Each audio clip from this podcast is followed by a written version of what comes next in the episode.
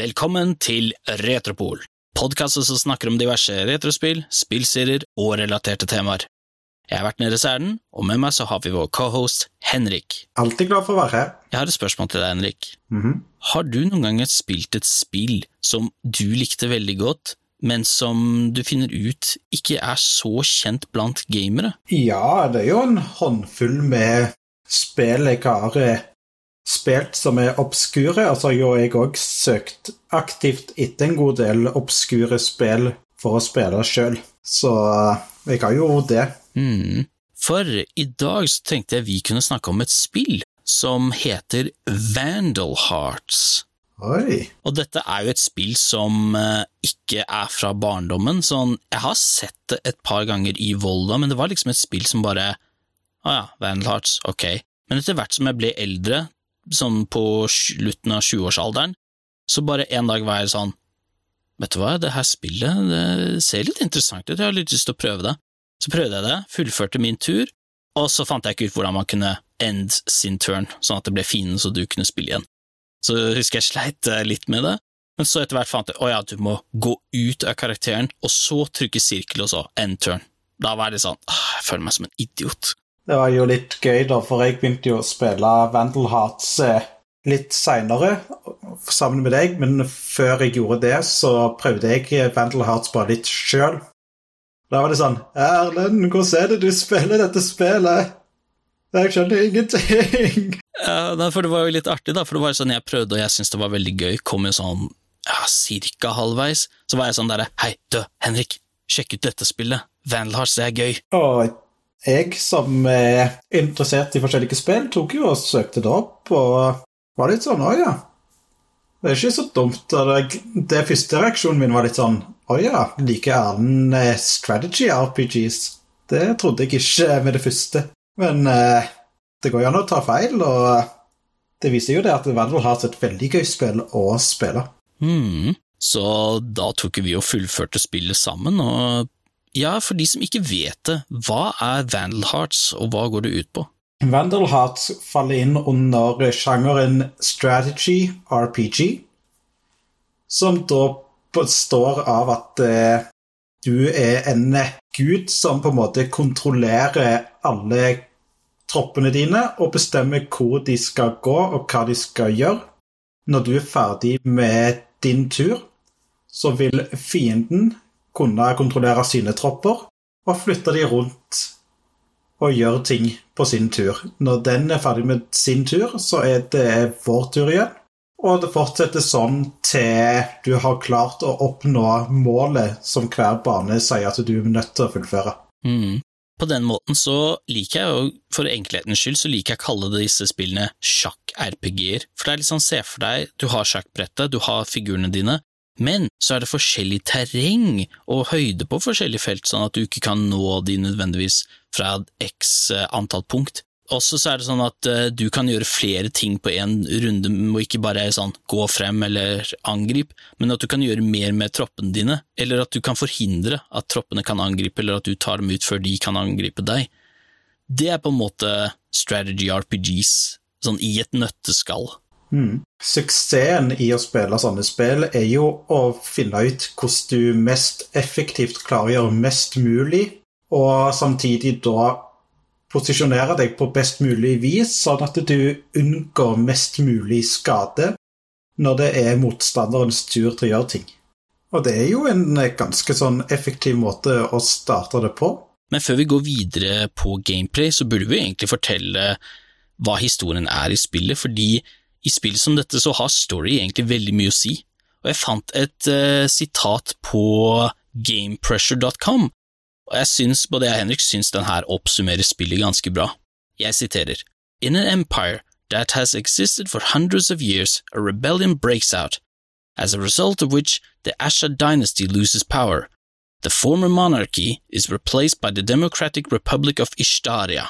Residents enjoy the peace for a short time. Soon, a bloody witch hunt for alleged henchmen of the previous system begins. One day, a young member of a Republican Army unit, Ash Lambert, discovers a conspiracy in which the authorities were involved. Trying to find the truth, he is accused of treason. Together with his companions, he must not only fight for survival, but also deal with people who introduced the rule of terror in his homeland. Og det er jo litt sånn kult med Vandal Hearts, er at det starter på en måte med å fortelle start, eller, Spillet starter jo med å fortelle backstoryen, det at det er en ustabil fred som er på en måte nåværende tidspunkt, og så kommer du inn til en general som du møter på, som går inn i en mystisk ruin og aktiverer da noe som han ikke på en måte burde aktivere. Og det skaper litt sånn Oi, hva er dette her som skjer? Hvilke ting vil dette her føre med seg når vi først møter på dette her lengre fram i tid? Og du sitter der etter denne åpningen med mange spørsmål, før du da plutselig møter på vandrende handelsfolk som er midt ute i et åpent eh, gresslandskap. Mm. Og da kommer det banditter og er sånn der eh, Ok, gi fra dere alt dere har, så får dere leve. Men da viser det seg at de handelsfolka, det er Ash Lambert, hovedpersonen i spillet, og hans to venner, Clint og Diego. Og vi kan jo begynne da med disse tre karakterene, for de er med i stort sett hele spillet. Og er òg mange av de karakterene du ofte bruker mest. Du har jo da Ash Lambert, som da er de facto hovedkarakteren i hele spillet. I nesten alle missions så er han involvert. Og dersom det er han som dauer, så vil det være game over, og du må starte banen på nytt. Så på den måten så er jo Ash eh, kongen i dette spillet. For så vidt, eh, Diego er jo da en eh, bueskytter, som da er raskt bevegelig og kan bevege seg fra en plass til en annen mye raskere enn andre karakterer. Og han har òg lang rekkevidde med bua si, som han da kan gjøre mye skade på. Så har du Clint, som er da en litt mer buff type. Kan gjøre mye skade, men er ikke sånn rask. Pluss eh, personlighetsmessig så er han litt mer sånn tilbakeholden, litt mer sånn der eh, Vil egentlig bare få ting gjort uten å tenke for mye på det. Mm. Ja, det er en sånn rolig fyr som ikke nødvendigvis sier så mye. Og etter hvert som du spiller spillet, så møter du på flere karakterer, og før vi går videre inn på spillet, så burde vi egentlig fortelle hvordan klassene er i dette spillet, fordi i et strategy RPG som dette her, så pleier det å være delt opp eh, Du har jo en bunke med karakterer som du får etter hvert som du spiller, og alle havner i hver sin kategori. Henrik har da valgt å dele opp karakterene i fire ulike kategorier, attackers og tanks, archers, mages og healers. Vi kan begynne med attackers og tanks først. Mm. Og de består da av Ash og Clint, men du møter òg på to andre karakterer, som da er Dolan og Grog. Den andre klassen det er veldig mange av, er Ranger- eller Archer-klassene, som da består av Kira, Diego, Darlus og Så har du Mages, som består av Eleni og Zohar. Og så har du òg healerne, som da består av Huxley og Sarah. Og sånn sett så er de ganske lette å forstå. Attackers og tanks er de som er frontlinja, de angriper og gjør med skade, men går veldig sakte. Healers er jo de som, når folk får for mye skade, så er det de som må komme og sørge for at de har maks health igjen men gjør ikke nødvendigvis eh, mye skade selv, med mindre du velger å gå en annen vei innen samme gruppe. Archers er jo de som angriper på avstand, men det helst du ikke skal ha i frontlinja, og Majors er de som gjør veldig liten skade sånn attack-messig, men hvis de er på avstand og bruker magi, da gjør de sykt mye skade. Og det som er litt kult med Vandal Hearts, er det at eh, du kan levele karakterene dine opp til level 20, som da maks level i spillet. Men når du kommer halvveis til level 10, så har du muligheten til å velge hvilken grein de skal spesialisere seg innenfor. Og hver karakter kan velge mellom to retninger, som da gir de helt unike egenskaper, og virkelig gjør det mulig å eksperimentere med hva du får fra et gameplay til neste gang du spiller det. Og det er jo litt sånn greit å prøve å ha én av hver, og litt bare for å ha den variasjonen som du nevner. Så for eksempel det å ha Huxley som Archmage gjør, eller jeg mener Archbishop, gjør at han er ekstremt god på å heale og kan heale veldig mye og ofte. Så kan du eksempel da ha Sara som en ninja, som gjør at hun kan gjøre mer combat og er mye raskere. Som gjør at du kan på en måte bli med i frontlinja i en større grad enn det han eh, Huxley kan dersom han skulle vært eh, Archbishop. Mm. Så, og det er jo ingen fasit på hvordan du skal oppgradere karakterene, men anbefaling er jo at du ha, prøver å ha mest mulig variasjon.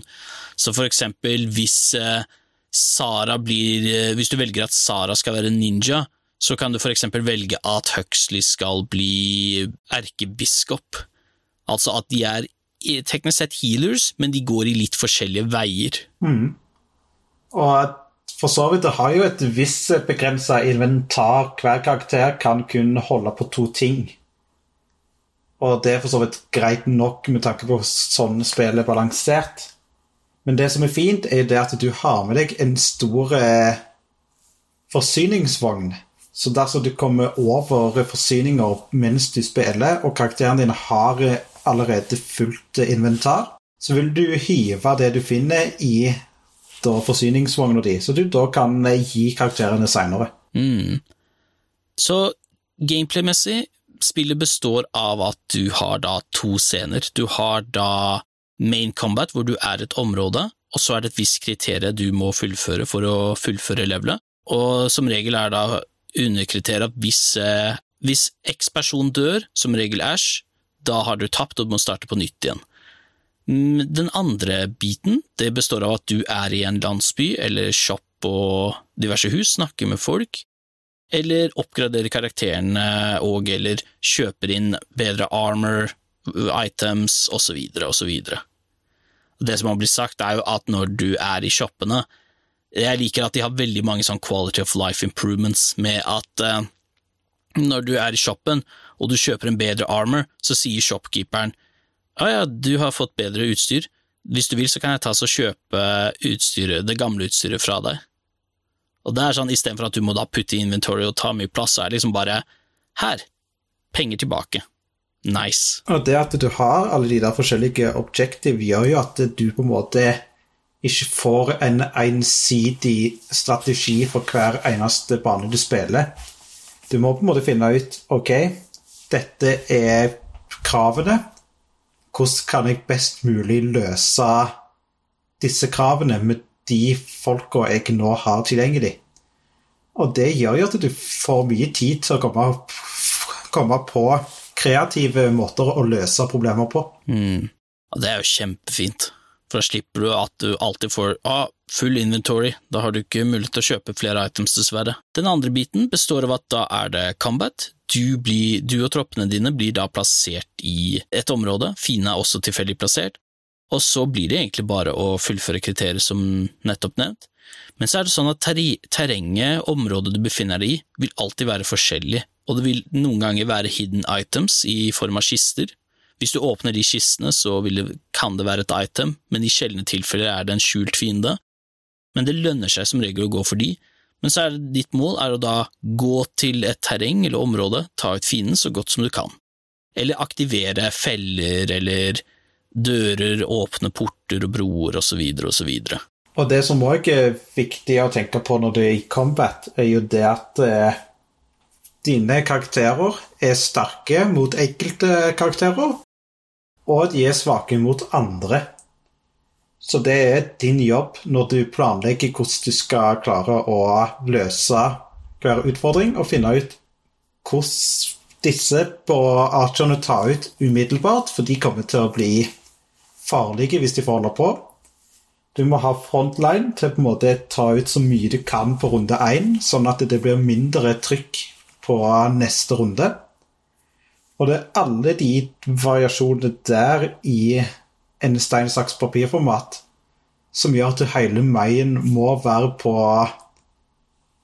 vakt etter ting som kan dukke opp, samtidig som du alltid må tenke gjennom hva er det du ønsker å få til, og hvordan skal du oppnå det? Og da hjelper det mens man spiller spillet at man har et soundtrack man kan høre på uten at man blir lei. Og ja, det er jo Hva er det egentlig å si om soundtrack, Henrik? Det er et soundtrack som passer bra til spillet mens du spiller spillet. Dette er nødvendigvis ikke et uh, soundtrack jeg sitter og hører på dersom jeg på en måte jobber med ting eller brydder eller vil bare høre på musikk generelt. Dette er mer et soundtrack som fungerer i det du faktisk spiller spillet. Mm. Og den har jo en del gullkorn her og der. Det er noen låter jeg liker å høre, andre som er sånn helt ok, og så er det noen som er sånn der Jeg kan høre på det, men hvis jeg hører det på iPod, så blir det sånn Å, herregud, tar en annen sang. Ja, det er det jeg ikke er enig i med deg i. det. Men det er én låt vi virkelig må nevne, og det er en som heter Burning Sorrow, sunget av en ved navn Jadranka Strojakovic. Og det er jo da på en måte kjenningsmelodien til Vandal Hearts. Og den er bare helt eh, fantastisk. Det er bare litt synd at du nesten ikke hører denne sangen i spillet. Du hører den sånn litt i starten, men det er jo liksom the credits song. Men det, denne låten er så fin at uh, hvis du har lyst til å høre på den, det er en lenke til den i beskrivelsen. Den er, den er bare så fin og setter virkelig tonen i spillet. Det er liksom Det er en det er noe med hvordan den er komponert som får, virke, får, historien til å virke mye mer episk. Det er litt sånn som med Lord of the Rings. Uten soundtracket så hadde det ikke vært like Den ville liksom ikke hatt det derre prikken over i-en, hvis du skjønner. Helt enig. Og før vi nevner noe mer om spillet, hva vi liker og ikke, så må vi bare ha en liten spoiler warning her. Hvis ikke du har spilt Vandal Hearts, anbefaler vi stopp podkasten nå, gå og spill spillet, og kom tilbake igjen, fordi Henrik og jeg er enige med at vi klarer ikke fortelle mer om spillet uten at vi røper noe av historien, for det er det er liksom ikke noe annet vi kan gjøre enn at vi er nødt til å fortelle hva som skjer plottmessig. Mm. Men hvis ikke du har noe mot spoilers, da fortsetter vi. Det jeg må si, det jeg liker virkelig godt med spillet, er hvordan historien er fortalt, og hva historien innebærer. For du har jo det elementet at det er jo et veldig politisk eh, Det er en veldig politisk historie. Det handler om land og korrupsjon, fred, konspirasjoner Men det er liksom, historien er ikke overkomplisert, den er fortalt på en måte som er Du klarer å henge med, og du følger med Den forklarer ting ganske bra. Samtidig så er han modig nok til å faktisk vise mørkere sider. Du ser mord, du ser drap, til og med blod, for den saks skyld. Og den er ikke redd for å egentlig vise fram de mørke sidene av eh, spillet. Det at eh, Ash på et tidspunkt får nesten sånn mental breakdown fordi at han eh, blir eh, ja, at han blir hjemsøkt av folk han har drept. Det er en sånn historie som virkelig Du merker hvordan stemningen er blant karakterene, hvordan det er for folk. Det er jo for eksempel et punkt hvor eh, staten blir korrupt, og så ser du at folk lider. At eh, ja, fordi man kanskje hadde gode intensjoner, så betyr ikke det at eh, det, spill, det vil utspille seg så bra etter ideen, liksom. Og så har du jo for eksempel at når spillet er ferdig, du har beseiret den korrupte staten, da er det liksom ikke at alt er plutselig gøy og gammel med en gang. Det viser jo at det ble sånt der et tomrom etter at uh, den korrupte stat var beseiret. Det var liksom yeah, vi vant, men hva nå? Ja, du får jo vite det at eh, dessverre så var ting mer eller mindre sånn som det var etter, som før borgerkrigen, er på en måte som det ble etter borgerkrigen òg. Pluss minus at noen områder er noenlunde bedre og litt sånt, men det er jo på en måte fremdeles eh, større byer som har litt mer fred, og så er det lovløse territorier innimellom. Så det spillet her gjør en fantastisk jobb med å gå inn på disse tingene, og er ikke redd for å vise at uh, alt er ikke svart-hvit, det er litt mer forskjellige nyanser av grå, egentlig. Mm. Det var liksom et punkt hvor det er en karakter som heter Clive, når han nevnte Det er en replikk hvor han sier 'the rich getting richer and poor getting poorer'. Det var da jeg begynte å være sånn derre Ok, You have my attention now. Ellers så har det jo litt sånn at eh, vi har eh, personlighetene til karakterene. Og når du har eh, så mange karakterer, så vil det være noen som har mer plot relevance. Og så er det jo enkelte karakterer som er mer eller mindre bra i bakgrunnen, som er sånn Jo, her er det en ny karakter, bare fordi vi trenger flere i party. Du har ikke så mye du sier, men du er på en måte med likevel. Og kanskje en av de karakterene jeg føler mest var sånn tagalong-karakter, var Darius. For han var en av de siste karakterene vi fikk, og da en archer. Han er litt kul med at han er veldig sånn tech-fyr, som er kanskje mer eh, avansert med bua si og ting som han angriper med. Men samtidig så var det litt sånn Han kom så seint at du egentlig ikke fikk etablert så veldig mye personligheten hans. Jeg ser den. En karakter jeg også skulle ønske fikk litt mer karakterutvikling, var jo Sara, healeren. Hun eh, virker som en egentlig ålreit karakter, og jeg hadde lyst til å vite mer. Men en scene som vi fikk se som var litt morsom, var jo når hun snakker med Eleni. Og det er sånn et punkt hvor hun nevner Amund, og så ser du at Sara begynner å rødme. Det er sånn Ah, hun er forelska i han. Mm. Det er det ingen tvil om. Og det faller jo litt tilbake igjen på Amon i samme kategori som Sara. At eh, Amon og Dolan er egentlig ikke så veldig utvikla. De har på en måte Det blir introdusert. De har til en liten grad en viss plot-relevanse med det at de er på en måte med i samme party som han commanderen. Men de utvikler seg ikke så veldig mye, egentlig. Nei, men samtidig skjønner jeg at det er liksom Hvis du hadde dedikert tid til dem òg, så ville jo spillet blitt mye lenger enn det, enn det det hadde trengt å være. Men det er én karakter vi må nevne som var utrolig morsom å ha med, og det var en eh, ved navn Grog. Grog er jo da en karakter som har veldig plottrelevans, for Ash og gruppa trenger jo en båt for å komme seg til der hvor han derre Magnus, en av de viktige karakterene i spillet, er. Men så viser det seg at Grog er full av et eller annet med broren, så tar det også hjelper ham en task, men så blir han ikke helt overbevist med en gang, men det er ikke før Ash gir en sånn der eh, speech som, er, eh, som går inn på Grog, og da er han sånn ja, ok, vet du hva, jeg tar oss og hjelper dere. Men etter hvert som han blir med i spillet, jeg sverger det virker som spillet hadde en skikkelig outing på han, fordi hver gang vi kom i combat og satt, vi hadde satt på magien ved navn Mystic Shield som gjør at du får mer defense, satte han fram, han begynte å angripe, men så var det sånn alle fiendene You must die! Gikk bort til han og kverka han. Ikke nok med det, han var jo på en måte veldig avhengig av å få first strike og kritte og drepe. Det var så mange ganger at eh, du på en måte skulle til å angripe, og så plukke fienden, og så blir du drept rett etterpå. så Grog kan man vel si er min og Henriks Kenny, for det var sånn hver gang vi kom ut i combat med han, ok, vi gir ham masse beskyttelse, med en gang han blir drept, så er det sånn Oh my god, they killed Grog! You best! Så ja, Grog er vår Kenny. Sånn sett, karakterene her er ikke voice-acta, det er jo bare tekst til å drive historien.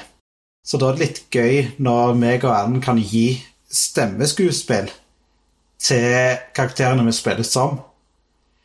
Og Erlend er jo mer dyktig på det enn jeg er, men uh, han hadde det er gøy med å gi Zeno, en av skurkene i spillet, en beinaktig stemme. Ash Lambert, you must die. I can't allow you to progress. Fordi at han hadde sånn maske som obskurer han veldig, og det var bare så humoristisk hver gang han kom og var sånn Hello! Det gir i hvert fall spillet litt mer personlighet, da. Det skal man ha. Så var det en av skurkene ved navn Kane som var sånn skikkelig arrogant og hadde den der type personlighet hvor han her fyren har du lyst til å slå uansett hva som skjer mot slutten av spillet. Han var så smøgg, så jeg valgte å gi han en stemme som var sånn derre Han her har du lyst til å slå i fjeset. Og sånn sett, spillet gjør veldig mye bra. Henrik har gått inn på veldig mye sånn Altså, for å si det sånn, det her var spillet jeg var nesten klar til å gi sånn toppkarakter. Sånn Det her ville vært sånn topp ti blant topp ti favorittvideospill. Men ja, så begynner spillet å snuble på et par punkt. For eh, hva var det vi ikke likte? Jeg kan jo si litt på det likte og mislikte, for så vidt.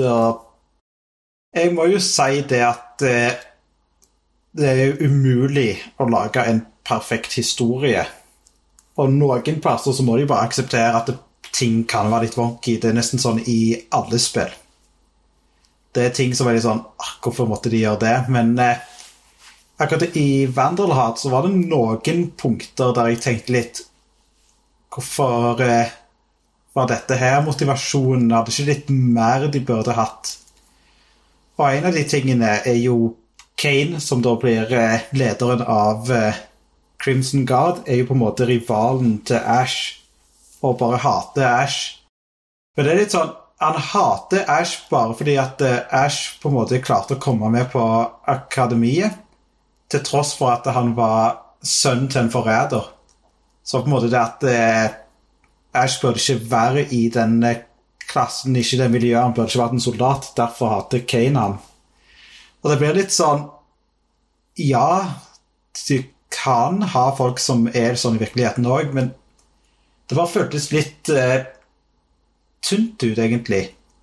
Sånn, Kane har ikke noen annen motivasjon til å mislike Ash annet enn at på en måte Ash er en soldat, på samme måte som det er Kane. Det kunne vært noe eksempel etablert sånn der uh at han ble ydmyket på en fest en gang, hvor f.eks. de ble soldater. Ash sa et eller annet som gjorde at alle lo av Kane, og det førte til, førte til at han ble veldig at han ble veldig såret. Det hadde vært en kanskje bedre motivasjon. Ja da, men du ser jo også at de har jo forskjellige verdier og synspunkt, og det er jo òg en fin måte å skape konflikt på. Men jeg føler ikke at de Ash og Kane får på en måte ikke tid og dialog eller backstory til å forklare nok hvorfor de hater hverandre. Det er litt sånn bare etablert at de hater hverandre, punktum. Mm. Og når vi først er inne på det med Kane, da. Eh, det er Vi må jo nevne litt om combat, for det er spesielt tre punkt forbundet med combat som vi må nevne. For det første, insta-kill move. For det er et punkt hvor du skal slåss mot Kane, og så er du i en sånn landsby. Du gjør det relativt bra, og så plutselig kommer Zeno og gjør eh, Kane sånn super powerful, et eller annet uh, greier. Og så bruker Kane en sånn overpowered move som nesten wiper ut laget med en gang, og den har sånn ekstrem rekkevidde. Det er ingenting i spillet som hinter eller gir indikasjon på at dette skal skje på forhånd, det finnes ingen andre karakterer som gjør dette tidligere i spillet, så det ender med at teamet ditt blir bare vipa ut, liksom bare instantly, uten at du har noen uh, sjanse til å reagere på det. er liksom bare what? Hva skjedde her? Jeg husker meg og deg var rett og slett i sjokk. Fordi at det, klart det at vi var jo litt oppgitt på random crit og sånt som er med i spillet. Men greit nok, vi klarte å komme oss gjennom det, men den der var nesten sånn toppen av eh, kaker på ting som bare irriterte.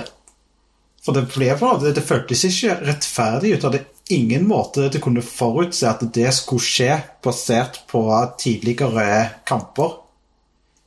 Og det Du ble jo bare sur på spillet når de gjorde det. Mm. For det hadde vært greit hvis for eksempel en av karakterene sa noe i duren av oi, eh, denne personen kommer til å gjøre et veldig kraftig angrep innen x antall turer, vi må gjøre noe for å stoppe det. For da har det vært sånn ok, du får varsel om det på forhånd, og du har tid til å reagere og gjøre noe med det. Da har vært sånn, ja, men da er det greit. Men da hadde du jo på en måte vært forberedt på at eh, noe ille kunne skje, og dersom du ikke klarte det, den, den time-limiten der, så gjorde han det angrepet, og da fikk du faktisk se konsekvensen av å bruke for lang tid. Det hadde vært surt, men det hadde vært eh, akseptabelt. Mm. Snakk om uakseptabelt. Random crits, random misses. Ingenting er mer frustrerende enn at du har lite liv igjen, du har bare noen få fiender å kverke. Du går opp til dem, en av dine tropper står rett ved siden av den fine og kan kanskje holde dem igjen. Det står at du får support, så gjør du angrepet, du lader opp, og så miss. Og så er det fiendens tur fordi han gjør sånn retaliation, og så treffer han deg med en random crit. Og hvis du brukte 40 pluss minutter på denne kamparenaen, så må du gjøre alt på nytt igjen. Det er spesielt irriterende dersom du har en del fiender som er autofokus på Ash. Og det skjer innimellom at eh, alle bare finner ut Ok, vi bombarderer Ash, og ikke nok med det, tre av oss får random crit, som gjorde at eh, på en måte Ash plutselig sitter igjen med én HP, og må da retrette, bare for å bli drept av en archer eh, neste turn. Det er sånn Det er én gang hvor det er akseptabelt at du får en sånn miss, fordi det er en fiende hvor det blir forklart at hei, det lønner seg ikke å angripe forfra eller fra siden, du må angripe bakfra.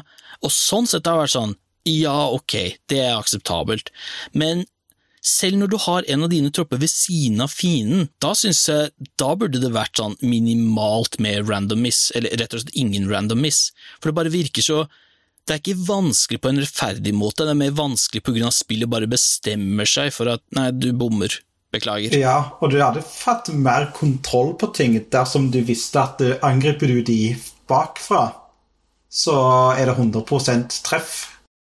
Hvis du angriper fra siden av, dersom, eh, så kan det være at du har uh, god odds, men det kan hende at du bommer en gang. Og så avhengig av om du flanker en fiende, eller om en fiende flanker deg, så vil det kunne påvirke hvor stor sannsynlighet det er for at du tar skade.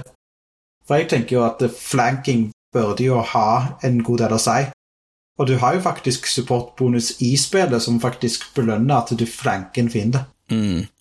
For det er liksom bare noe med random miss og crits som gjør at det blir veldig sånn urettferdig, som uh, nettopp nevnt. For det, føler, det er veldig frustrerende hvis du har kommet veldig langt, og så er du nesten ferdig, men så bare ah, 'Sorry, der tapte du'. Da blir det sånn derre Åh, må gjøre det der en gang til. Ellers så har vi jo snakket veldig mye på gameplay-siden, og det er jo Nå har vi jo på en måte fått lufta oss ut veldig på den fronten der.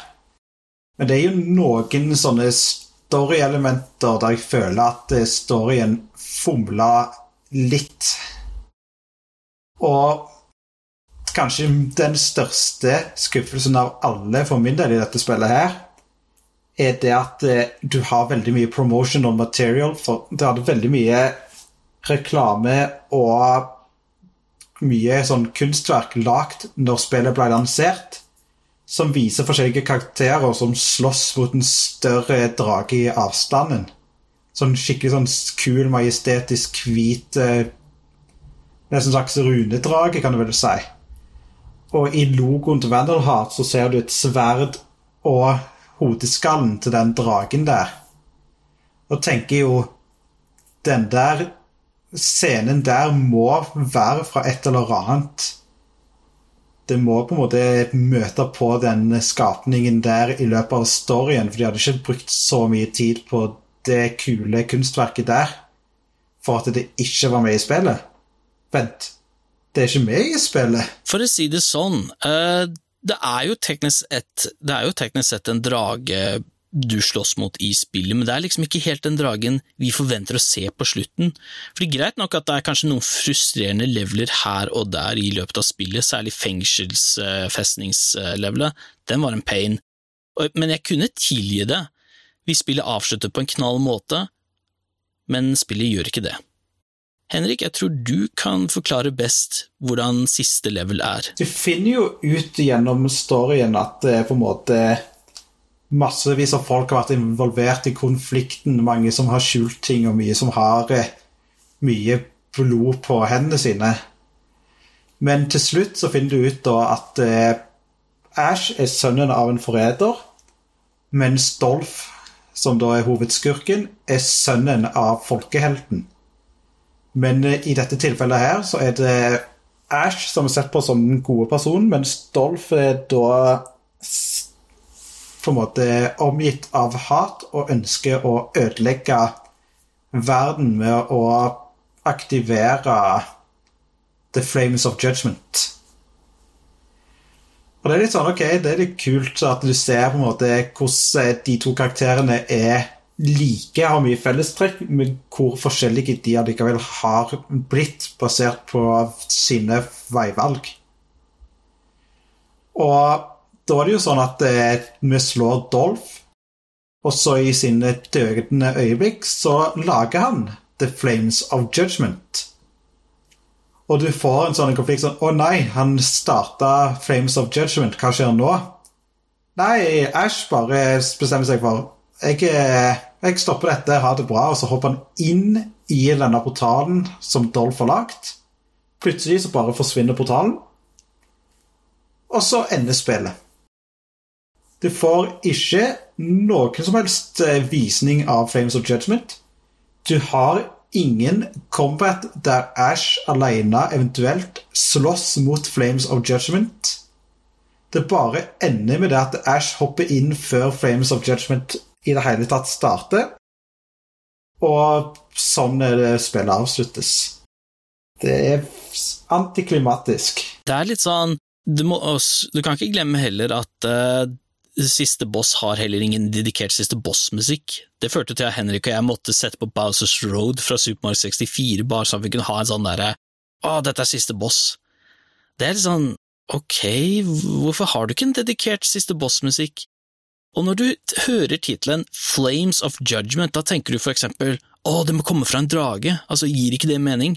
Drage spruter ild, Flames of Judgment. Og så var det jo det der at det, alle snakket jo så mye om dette her, sånn Flames of Judgment, vi er nødt til å stoppe dette her, dette kommer jo til å ødelegge hele Ishtaria dersom vi, vi ikke stopper dette her.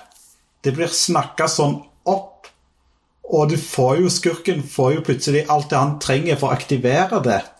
Og da er det jo så dumt at du egentlig ikke faktisk gjør noe med Flames of Judgment. Ja, for Hadde det ikke vært kult, for eksempel, hvis han aktiverer Flames of Judgment, så ut av portalen kommer det en stor drage, og så ender du med å slåss oppå dragen, fordi dragen er så stor at rett og slett banen i seg selv er bossen. Ville ikke det vært interessant? Noe sånn hadde iallfall vært mye bedre enn den endingen vi fikk, i alle fall. Uh, altså, da Du slåss mot en eller annen svær fiende. Bare et eller annet som hadde virkelig følt som en sånn derre Nå er det siste boss, nå skal vi slåss mot en drage, dette er awesome! Ja, altså Det er klart det at mange vil jo se på det som en klisjéplott at det, skurken er egentlig ikke siste boss, han bare sømmende siste bossen. Men eh, til en viss grad, ja, det er klisjé, men det kan òg bare fungere. Og i Vandelheart så hadde det fungert helt fint. Dersom på en måte Dolph hadde lyktes i å få Flames of Judgment til å skape en stor, skummel, endelig siste boss med egen siste boss-musikk, en skikkelig kul setting og en fight som var knallvanskelig. Og det er det som var tingen òg med den Dolph-kampen. Det var jo bare han omringa av standard fiender. Det var ikke en veldig spesielt vanskelig boss. Den var ikke så veldig unik. Dolph gjorde stort sett ingenting. Og når han først kom og begynte å gjøre ting, siden han var den siste karakteren i live, så hadde han ikke nok til å kunne stoppe hele vårt team som bomberusha han etterpå. Ja, for greia er at med sånne spill som dette, hvis du er veldig flink med å være sparsommelig med penger og veldig strategisk, da var liksom når Henrik og jeg slåss mot siste boss, så hadde vi sterk armor, sterke våpen, masse healing items. Det ble sånn at siste bossen hadde jo ikke sjans til å slåss mot oss. Ja, ja. Til slutt så var det jo sånn at ok, vi gjør så mye skader, vi klarer faktisk å ta han ut på denne runden her. Og det var det jo bare å sende alt vi hadde mot Dolph. Altså, Dolph har ikke tid til å gjøre noe som helst mot alt det der. Når du har fire, tre archere og en eh, haug med andre folk med range spells alle kan skyte på han samtidig. Så det ble på en måte litt sånn uheldig at han ble en damage sponge. Og det hadde vært mye bedre dersom du hadde hatt én dritkraftig fiende. Klart det, du kan jo angripe med alle karakterene våre samtidig. Men da hadde du hatt en kraftig fiende som allikevel hadde tatt lang tid å ta ned, fordi at den ene fienden hadde hatt ekstremt med HP, f.eks. Så det det ender med, er jo at spillet får en slags der det etterlater ham en veldig sånn tom følelse, egentlig. Så den gjør mye bra, men så er det liksom sånn derre ikke, det, det, er litt som du bygger opp til noe stort, men så istedenfor at det ender med et smell, så er det liksom som om kruttet plutselig har sluttet å fungere, og så er det bare sånn boff. ja, det er sånn, du sitter igjen med følelsen av at de hadde ikke tid til å avslutte det skikkelig. Det var sånn OK, deadline. OK, vi må bare fullføre spillet. Og så deadline, og så har de levert spillet. For hadde de fått på en måte Det er jo vanskelig å si om de hadde tenkt å gjøre noe mer enn det det var. Men hvis jeg hadde vært den som hadde lagd dette spillet her, så hadde jeg prøvd å kjempe for å lage en skikkelig avslutning. Mhm. Jeg tror for eksempel eh, Man kunne fjerna for eksempel de mest frustrerende levelene, og så heller fokusert på Ok, nå har vi kuttet ut fettet, nå bare fokuserer vi på siste bossen. Siste to måneder igjen, nå har vi bare siste boss å fokusere på. Nå skal vi gjøre det beste vi kan. Men ja, det er også verdt å nevne at det er faktisk to slutter spillet har. Du har standardslutten, og så har du the alternate ending. Vet du hvordan du får den, og hva the alternate ending er? Eh, nei. Du må A. Finne hemmelige items som eh, du kan kun finne på visse punkt, og hvis du lagrer over, for det er ingen backtracking i dette spillet, da har du gjort sånn at du ikke du får den. Men hvis du klarer det, la oss si du har en walkthrough på sida og du følger guiden skikkelig, til punkt og prikke, og så får du the alternate ending. Hva skjer da? Får du unlockable minigames, two-player mode, uh, kanskje New Game Plus? Er det en secret ending? Nei, du får en congratulations-screen helt på slutten. Hurra. Det er sånn Yeah, jeg brukte timevis på å få tak i hemmelige items, men eh, det var ikke verdt det. Sånn, gratulerer, du fullførte Super Mario Sunshine. Her, du får solbriller. Det er litt sånn Det, det etterlater deg med en sånn derre hva, hva er poenget? Men eh, igjen, altså, alt i alt, eh, dette spillet er fremdeles verdt det. Nå som vi har fortalt dere hva dere kan forvente, så kanskje dere vil ende opp med å like spillet mer enn oss, egentlig. For dette spillet gjorde så mye bra. Altså, det er ikke det at spillet er dårlig, det er bare det at den gjorde så mye bra, men helt på slutten så bare krasjer det hardt. Men det gjør spesielt vondt, fordi dette var et spill som jeg virkelig brydde meg om. Historien fanget oppmerksomheten min. Combaten var, eh, og gameplay var bra.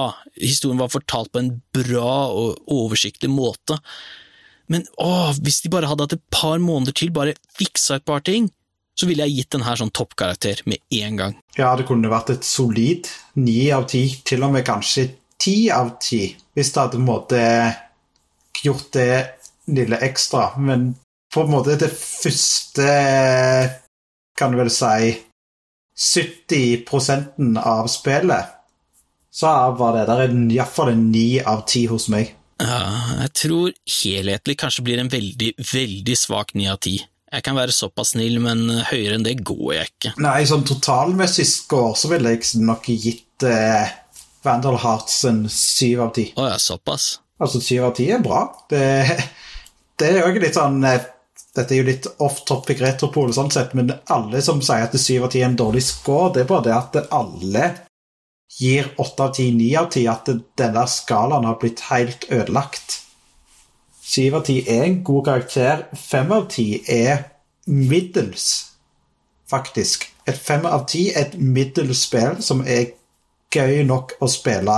Fem av ti betyr ikke at det er dårlig, det er bare midt på treet. Vi har jo noen tips å komme med, da, hvis dere har planer om å spille spillet, og igjen, det anbefaler jeg faktisk, altså, som nettopp nevnt. Kanskje dere vil like det mer enn oss, nå som dere vet hva som kommer.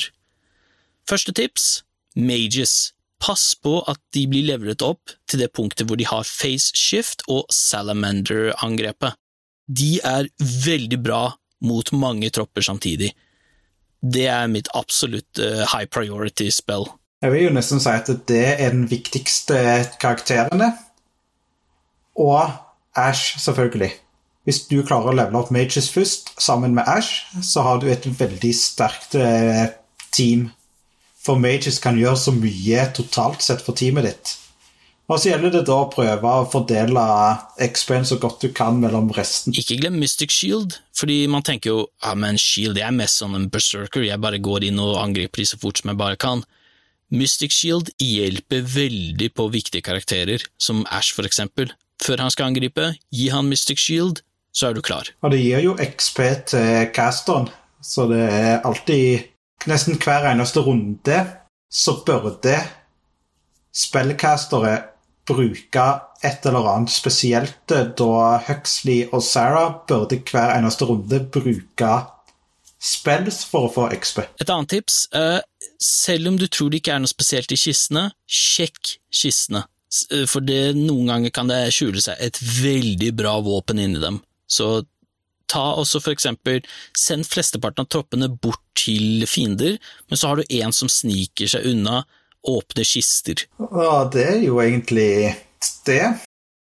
Det er jo et, det som på en måte også er kanskje litt sånn saving grace for eh, Vandal Hearts, er jo det at det er relativt grei lengde på det.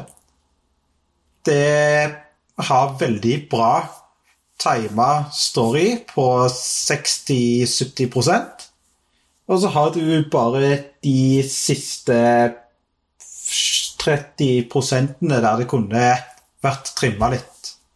Ellers så var det ganske bra gameplay-lengt, og på en måte de gjør det beste ut av det.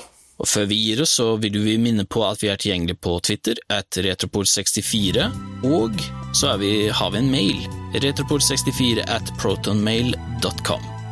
Der er det bare å kontakte oss og spørre oss om diverse. Og med det så er jo vår Vandal Hearts-episode ferdig. Tusen hjertelig takk for at dere hørte på. Så snakkes vi. Ha det bra. Ha det bra, ja.